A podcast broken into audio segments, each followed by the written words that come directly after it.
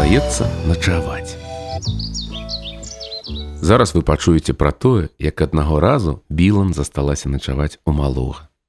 Тата Білан больш не жыве разам з Білан і яе маці. Ён жыве адзін у горадзе. Білан ездзіць да яго амаль кожныя выходныя ды звычайна застаецца там начаваць. Але на гэтых выходных тата быў моцна заняты. Білан можа начаваць у нас, сказаў малы, яна можа застацца начаваць са мной, а яе панда з маім мядзведзікам і Білан засталася. Днём ім было вельмі весела, але ж яны і так звычайна добра бавіліся разам. Хутчэй бы настаў вечар, сказаў малы, тады пачнецца самае цікавае. Так, вядома ж, сказала мама. Малому здавалася, што час цягнуўся марудна, але нарэшце наступіў вечар. Вось зараз пачнецца самае цікавае, сказала мама. Звычайна ў гэты час Білан сыходзіла да хаты, а сёння яна застанецца з намі. Зараз мы прыгатуем што-небудзь пад'есці перад тым, як ісці спаць. Малы рэзаў хлеб. Ён звычайна быў адказным за гэта. Ён рэзаў сапраўдным, вялікім вострым ножом. Ён не спяшаўся і рэзаў вельмі асцярожна. А можна і мне таксама рэзаць, запыталася Білан. Вядома ж можна, сказала мама. Яны збіраліся зрабіць салат садавіны, таму трэба было шмат чаго парэзаць. Мама дастала яшчэ адзін нож. Ты ведаеш, як рэзаць, запыталася яна. Не, адказала Білан, я ніколі яшчэ не рэзала. Што? здзівіўся малы, не рэзала? Не, адказала Білан. Мама кажа, што я не ўмею і толькі парэшуся. Лухта, сказаў малы, як жа тады ты навучышся рэзаць, калі не будзеш спрабаваць. Білан даручылі рэзаць бананы. Яна рэзала вельмі тонка, хаця бананы рэзаць зусім няпроста. Банан станавіўся ўсё карацейшым ды карацейшым, ажно пакуль не застаўся маленькі кавалачак. Мой банан ужо скончыўся, сказала Білан, запіхнула той кавалачак у рот ды з'ел яго. Як танютка ты рэжаш, Білан, пахваліла яе мама. Білан узяла яшчэ адзін банан і пачала яго рэзаць. Мама тым часам нарэзала крыху яблыкаў і апельсінаў. Малы падняўся, залез на крэсла ды дастаў з паліцы кубачкі і талеркі з лыжкамі, а Білан усё рэзала бананы. Калі ў яе скончваўся чарговы банан, яна з'ядала кончык і брала наступны. Хутка бананаў зусім не засталося. Білан была вельмі задаволеная, атрымліваўся ўжо салат не з садавіны, а салат з бананаў з кавалачкамі садавіны. Яны елі столькі салату, колькі ім хацелася. Потым малы з білан пайшлі уладкоўвацца спаць. Яны запаўзлі пад коўдры. Мядзведзік ляжаў побач з малым, а панда побач з білан.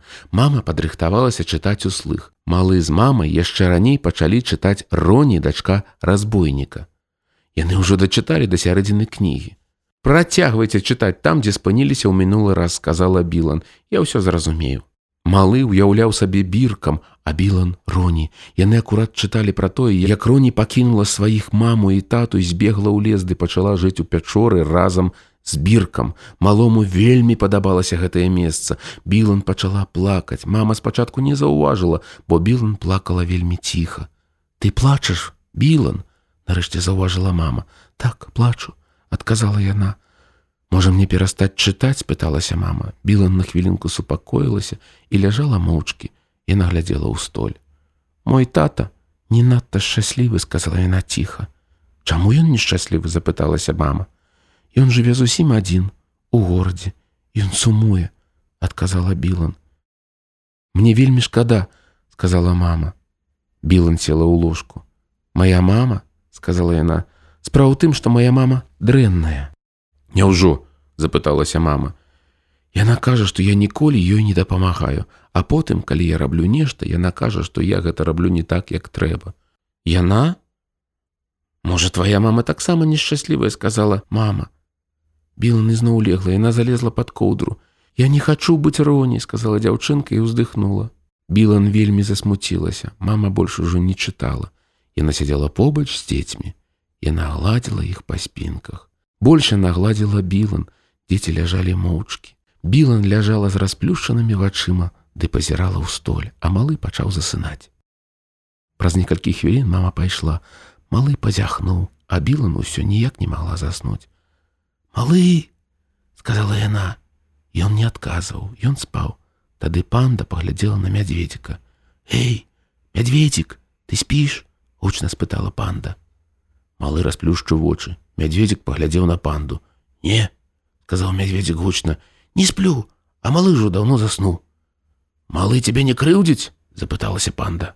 Не ніколі адказаў мядзведзік ён заўсёды вельмі добры а я вельмі паслухмяны гэта добра сказала панда. А білан цябе крыўдзіць запытаўся мядзведзік крыўдзіць сказала панда. Я вельмі паслухмяная але білан дрэнная дзяўчынка яна крычыць на мяне няўжо нават калі ты паслухмяная запытаўся мядзведзік так адказала панда крычыць нават калі ты стараешься быць добрай і паслухмянай кусі яе за нагу сказаў мядзведзік не лепш я укушу не я не буду кусацца сказала панда бо я добрая мядзведзік выглядаў стомленым. Мядзведзік запыталася панда гучна. Малы пазяхнуў. Ён таксама выглядаў стомленым як і мядзведзік. Малы сказала білан шэптам. Але ён не адказваў. Малы сказала яна крыху гучней. Малы не адказваў. Тады да яе падышла мама. Я пасяжу тут з табой сказала яна. Было б добра сказала білан я не хочу заставацца адна я пасяджу тут пакуль ты не заснеш сказала мама. Пасля я таксама пайду класціся спаць. Тады мы зноў сустрэнемся сапраўды запыталася білан так сказала мама. Калі ты прыйдзеш да мяне ў сне а я да цябе тады мы хутка ўбачымся білан засмяялася паспрабуй зараз заснуць маленькая білан сказала мама. Ведаеце я ляжу тут і думаю пра одну рэч сказала білан пра якую рэч спытала мама. Надта ж зашмат засталося салату з садавіны мама засмяялася і патрэсла білан за шчокі мы зможам з'есці яго заўтра сказала яна мама сядзела побач з білан пакуль тая не заснула. Дзеці ляжалі і спалі білан побач з малым а панда побач з мядзведзікам.